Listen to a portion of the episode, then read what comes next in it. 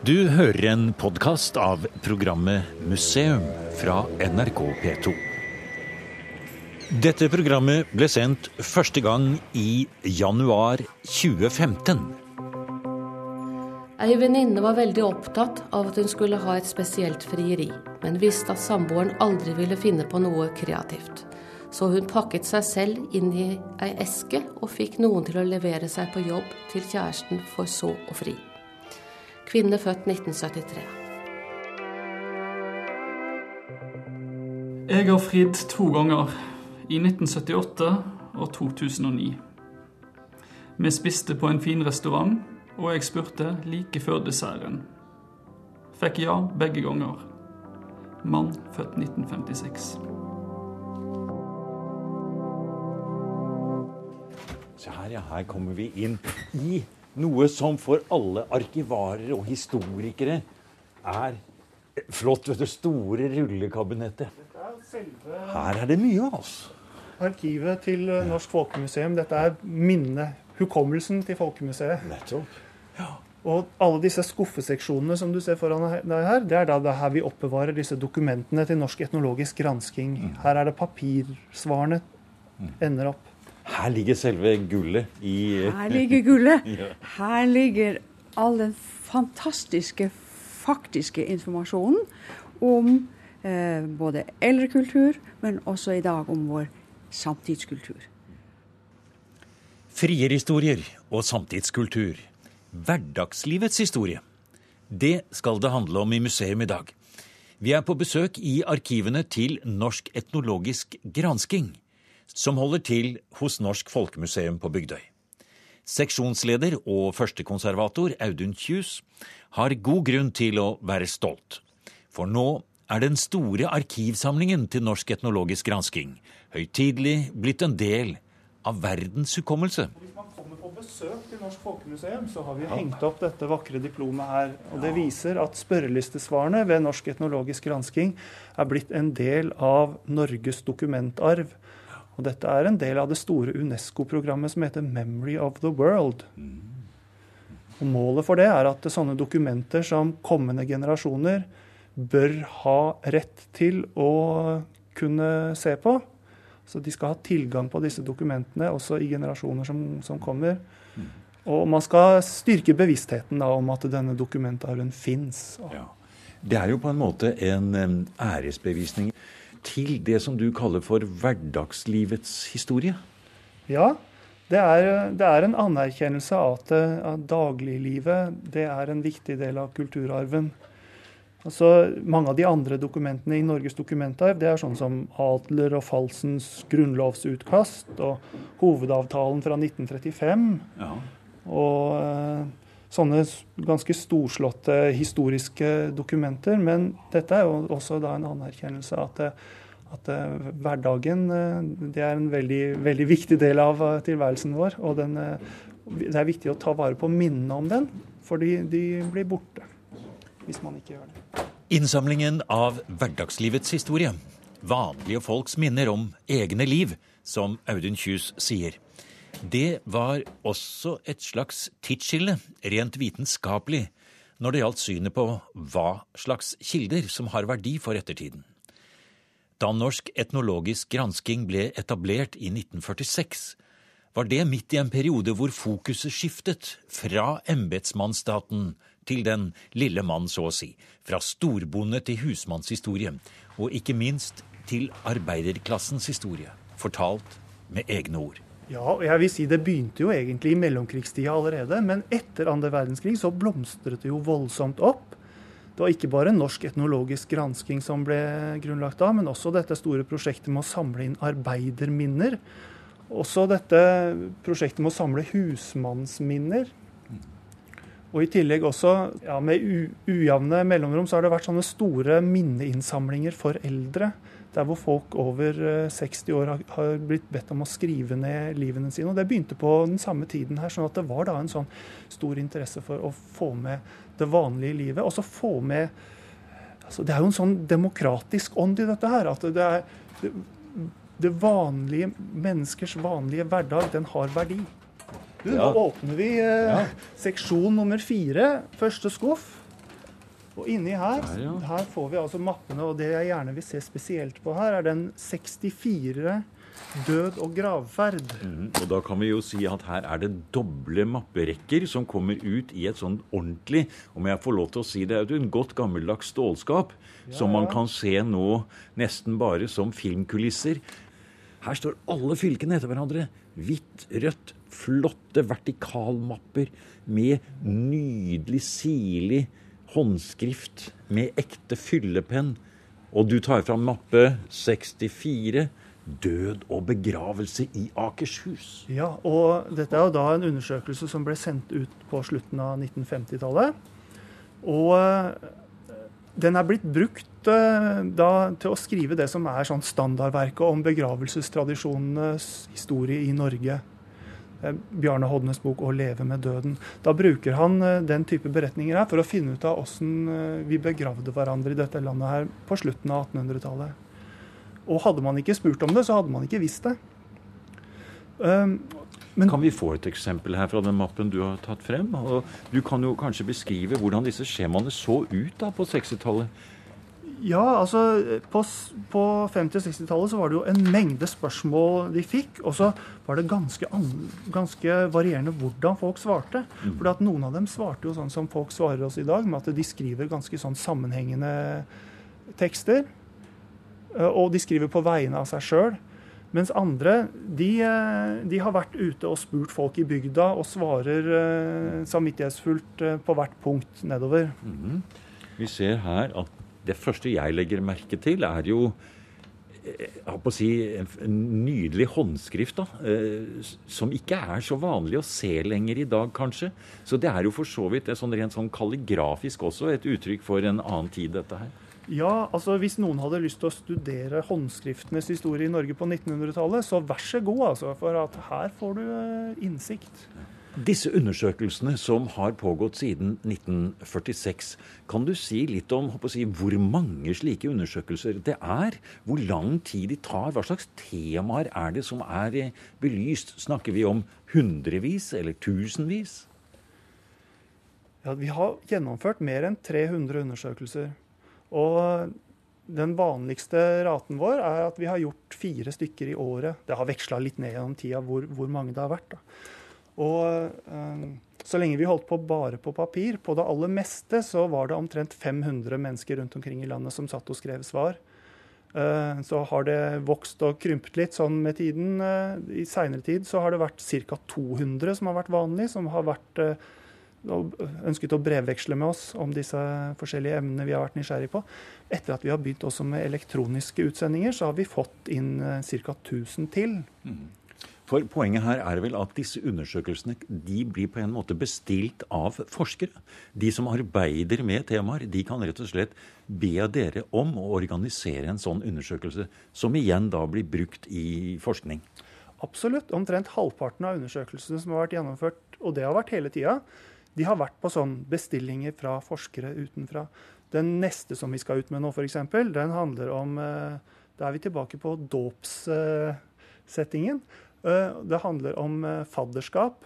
Hvordan folk velger faddere, hvordan folk eh, utfører fadderrollen sin, og hva, som, hva folk tenker er en god eller dårlig fadder. Og det er da på vegne av et forskningsprosjekt ved teologi i Oslo. Nettopp. Få noen flere eksempler på type undersøkelser som har vært, som du har lyst til å nevne. Ja, vi hadde jo en eh, større undersøkelse om hogst og bruk av ved for et tverrfaglig eh, miljø i, eh, lokalisert i Trondheim. Dette var jo da før vi ante at han Mytting holdt på med sin bok om samme tema. Han visste ikke om oss heller. Men altså, hvis noen har lyst til å skrive en annen bok om bruk av ved, så kan de komme til oss og finne masse stoff av den typen som også han Mytting skriver om i sin bok. Da. Noe annet som vi jo holder på med akkurat nå, det er dette her med hvordan vi frir til hverandre her i dette landet. Min mann fridde til meg da jeg var 25 år. Jeg hadde kommet hjem fra ballettrening, svett og i joggebukser. Han overrasket med middag. Vel, han hadde laget tomatsuppe fra Toro og hadde hatt i ekstra makaroni. Dermed ble suppa kompakt, altså som makaroni med litt rød tomatsaus over. Dette har vi ledd mye av i ettertid. Uansett, han fridde til meg i vår lille hybel på Stovner. Vil du gifte deg med meg? Disse magiske ordene kom over vårt arvede furukjøkkenbord, og jeg svarte selvsagt ja. Vi planlagte bryllup til året etter, og er gift den dag i dag. Var det romantisk? Nei, overhodet ikke. Elsker jeg fortsatt mannen min? Ja, han er den beste i verden for meg. Kvinne født 1971.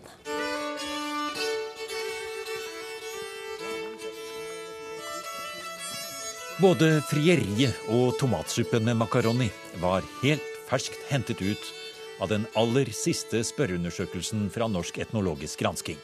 Lest av NEGs administrasjonskonsulent Eli Johnsen Chang. Vi skal få høre flere frierier, og også snakke litt om hvordan hverdagsritualer, som personlig hygiene, har forandret seg gjennom tidene. Og også litt om hvordan kjødets lyst og mysteriet med det annet kjønn ble håndtert på 1960-tallet og før den tid. Men nå, på vei videre i vår historie om hva de mange hundre spørreundersøkelsene fra Norsk etnologisk gransking kan brukes til, har vi stanset midt i Bruramars fra Seljord med Sven Olav Lyngstad, i Telemarkstunet på Norsk Folkemuseum. Og det er gjerdene rundt vi skal se på. Er dette også Audun, et gjerde fra si, spørsmål til listene? Ja, og det er jo sånn type risgjerde der man setter opp staurer og fyller opp med ris innimellom. Veldig mye brukt type. ja, altså, Det ser jo egentlig ut som en stor, lang komposthaug. Ja, for ikke alle på museet er kanskje like begeistret for akkurat disse risgjerdene. For de er kanskje ikke så fotogene i og for seg, men til gjengjeld så kan de jo belyse kulturhistoriske poeng. da. Formidlingskonsulent Lars Olav Muren arbeider med levendegjøring på Folkemuseet. Og han sier at det å lage gjerdene slik spørreundersøkelsene viser at de faktisk var, gjør at de besøkende får en mer autentisk opplevelse. Eh, det er, eh, vi, har, vi har flere forskjellige typer gjerder. Eh, tidligere så har vi brukt, brukt mye skigarder. Vi har ofte ikke hatt så nærhet til kildene. Og det har gjort at, at alle gjerdene har sett like ut. Men dette her er rett og slett en satsing for å, for å få et større materiale. Kjempefint. Dette er bare én stopp for oss på veien, for du har tenkt å ta oss med et helt annet sted. Og hvor er det? Jo, nå skal vi gå fra Telemark til Trøndelag. Ja, så håper jeg du har gode sko. Ja, da gjør vi det. Her på dette tunet så har vi brukt NEG spørrelister til veldig mye. Og det ble sendt ut to særemner som dekka seg bare dette tunet. Eh, rett og slett på oppdrag av oss. Oh ja, så dere bestilte rett og slett Hva var det dere spurte om der, da? Eh, der var det veldig mange forskjellige spørsmål. Eh, for levendegjøringen sin del så var det veldig mye om mastua. For vi ville bygge en mastue, en fungerende mastue som base for vår formidling her ute i tunet. Og det fikk vi. Ja, ja skal vi gå inn og se på det, da? Den veien her, ned her. Men det rommet vi er i nå, ja det er en mastu. Ja, og må du nesten si hva det er. Jeg har ikke turt å spørre hva det er, ja, men Jo, det er et grovkjøkken. Ja. Um, og det var det på veldig mange gårder i Trøndelag. Uh, så vi sendte ut uh, i 2005, nei, unnskyld, 2009 en spørreliste til Trøndelag om uh, hvordan mastuene så ut på 50-tallet. Ja. Og da fikk vi mange svar. Og hvor, denne mastua her er rett og slett innreda basert på de svarene. Eh, og det er jo fint med disse listene her, at de forteller oss eh, noe om hva dette rommet har blitt brukt til. Sånn at vi har aktiviteter som vi kan, kan gjøre i levendegjøringa. Så våre tunverter kan stå her og yste eller vaske klær. Interessant. Det er en sånn god gammeldags bryggepanne, dette her? Det er rett og slett en god gammeldags bryggepanne. Det er det. Og det er et viktig kriterium for oss i levendegjøringa. At vi skal ha basis i kildene. Uh, og at vi skal sette disse gjenstandene som vi jo har så mange av, og husene, inn i en kontekst, sånn at man kan se sammenhengen og skjønne hvordan de har vært brukt. Vi er på besøk hos Norsk etnologisk gransking i museum i dag. Vi markerer at 40 000 personlige beretninger om vanlige menneskers private hverdagsliv, sendt inn fra informanter over hele landet gjennom de siste 70 årene, nå har blitt tatt opp i Norges dokumentarv som del av Unescos Memory of the World. Ann Helene Bolstad Skjelbred var ikke med helt fra starten, men allerede på 1960-tallet var hun en av de forskerne som brukte det store materialet som lå i arkivet. og hun har også vært leder for hele NRG. Jeg begynte jo å studere folkloristikk. Og det slo meg at vi fikk vite veldig mye om objekter.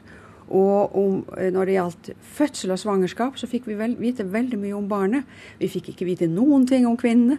Og det her var på 60-tallet, og det ble jeg interessert i. Hva, hva, hvor står kvinnen i denne spesielle tradisjonen? Så Derfor det ble det mitt første tema. Så jeg satt da her oppe, da, i det som nå er kafeen, eh, og fikk se på eh, Spar på spørrelister om urene kvinner. Du aner altså ikke hvor, hvor, spennende det var å se, også fordi at dette er historie som jo er blitt vekk. Ja.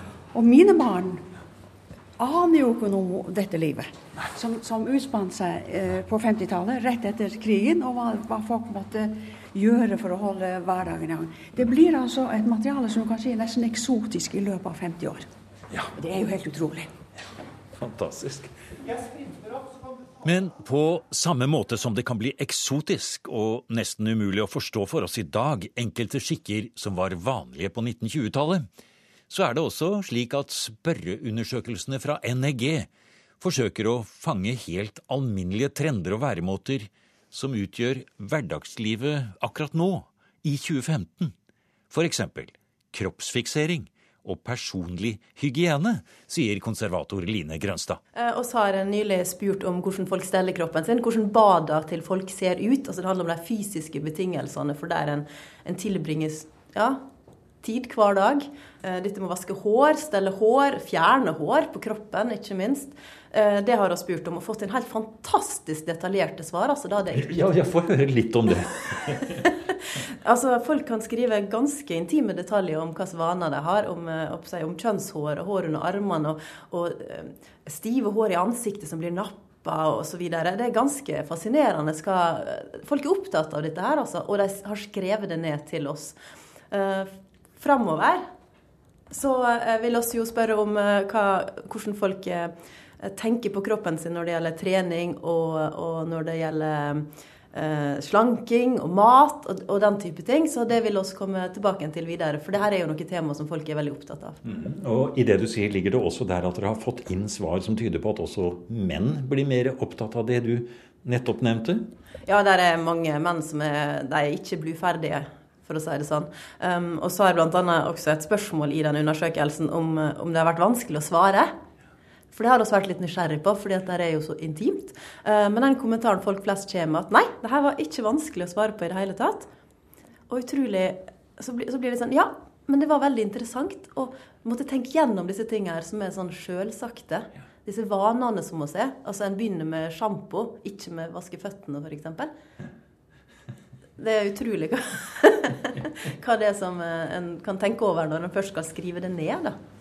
Og her er det kanskje på sin plass å si at hvem som helst over 16 år kan melde seg som informanter til Norsk etnologisk gransking. Alt som er nødvendig å vite om det, ligger på hjemmesidene til Norsk Folkemuseum. Men vi tar opp tråden igjen med de mange hundre undersøkelsene av hverdagsliv som går langt tilbake i manns minne, i praksis kanskje helt fra tiårene på slutten av 1800-tallet og til dags dato. Det store antallet og variasjonen i spørreundersøkelsene gjør at forskerne kan se mønstre og utviklingstrender i hverdagslivets mange små og store spørsmål. Kari Telste har forsket på slike sammenhenger, og det er ikke nødvendig å gå så langt tilbake for å finne at f.eks. kunnskap og åpenhet om seksualitet og kropp var helt annerledes på 1920-tallet enn det er i dag, sier hun. Og da er det jo, altså En ting de alltid sa, var jo nei, liksom Mor og far de sa jo ingenting. Men så hadde jo noen venninner, kanskje, så gikk de litt og snakka i skolegården om dette her. Og, og, eller, de, eller de sneik seg opp på loftet hvor de fant noen bøker. Og en, en fortelling er jo om to jenter da, som sto og krangla hvem av oss skal gå i Narvesen-kiosken og kjøpe Carl Evangs blad om seksualopplysning. Hvem tør å gjøre det? Eller, og så er det en som forteller da, at når de gikk hjem fra skolen, så, så lå de bak snøskavlene og leste cocktail. Så, så, de fikk jo Av ulike omveier, da, så fikk de jo vite ganske mye. Så, og så var det noen som hadde eldre søsken, selvfølgelig, som, som, de prøvde å fritte ut. Eller eldre venner og ja. Så, så de, de, fikk tak i denne, disse opplysningene. Ikke sant? Og, og en annen ting, de, de, fikk jo også seksualundervisning på skolen. Det starta jo opp ja, helt fra begynnelsen av 1900-tallet. Og i Oslo ble det jo formalisert fra 1936. Men det som var problemet med den, eh, den, skoleundervisningen, det var at den var så saklig. Altså, de fikk jo disse plansjene da, hvor de så hvordan de så ut inni. Men, men, de, men de skjønte på en måte ikke helt relevansen av dette her, da.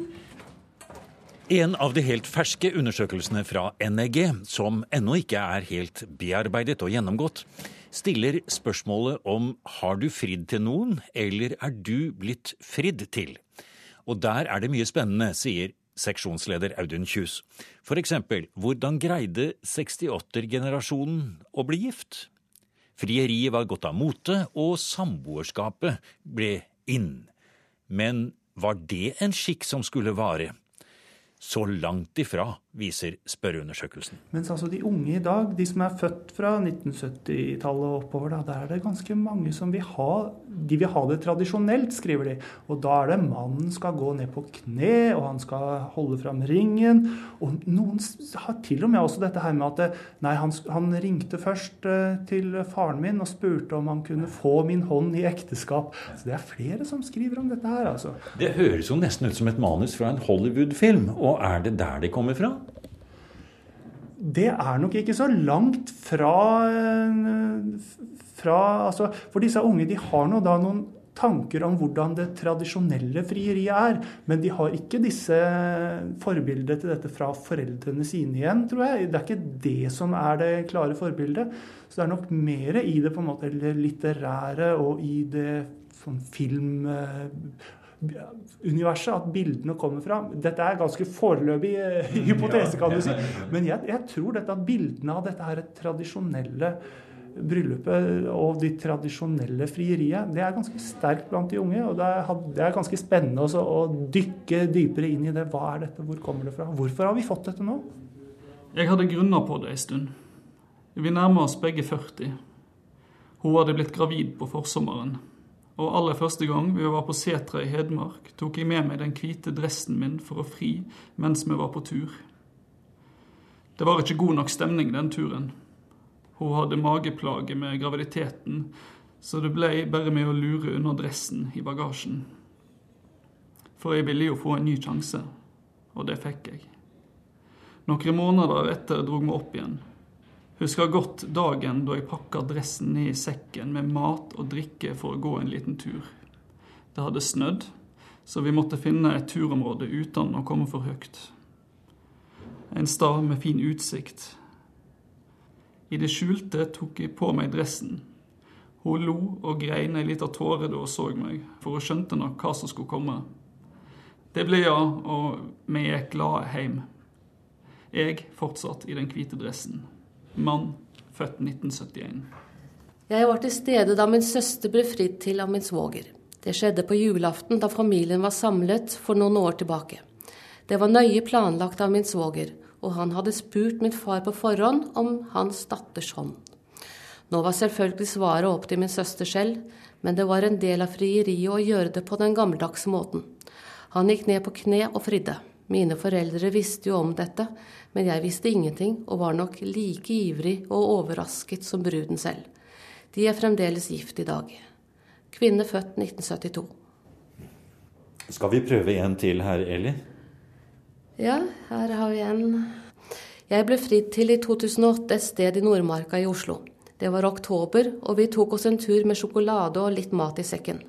Han surra oss inn et sted innimellom trærne utenfor stien som vi ikke har klart å finne igjen og jeg syntes han stressa litt med å finne et sted. Da jeg ville ha en ekstra bit med sjokolade, ble jeg litt furten over at han la bort pakka. Det var tross alt jeg som hadde tatt den med. Men så falt han på kne og spurte om jeg ville gifte meg med ham. Den morgenen hadde jeg heldigvis tenkt for meg selv at hvis han frir en dag, vil jeg si ja. Det er ham jeg vil dele livet mitt med. Ellers hadde jeg frika ut. Men jeg sa ja, og vi giftet oss på våren året etter. Jeg synes den som frir skal stå på et kne om han velger å knele, men jeg forstår ikke logikken i det. Jeg er litt gammeldags og syns det ideelle romantiske er at mannen frir. Ellers er det fint å være litt oppfinnsom, gjerne spontan også. Kvinne født 1982. Den ene gangen jeg faktisk har stilt spørsmålet, skjedde det altfor spontant og uoverveid. Vi hadde ikke følge, jeg hadde ikke engang kyssa henne. Men vi var venner, jeg var hjemme hos henne og hadde fått henne til å sette seg på fanget mitt. Vi var begge voksne. Jeg var 25 til 26, hun et par år yngre. Som sagt, spørsmålet kom spontant og uoverveid og hun bare lo av meg. Jeg følte meg veldig flau etterpå. Jeg er nå gift for andre gang, og begge gangene har det kommet i stand nærmest gjennom en gjensidig forståelse, uten noe egentlig frieri. Mann født 1939. Du har nå hørt en podkast av programmet Museum fra NRK P2.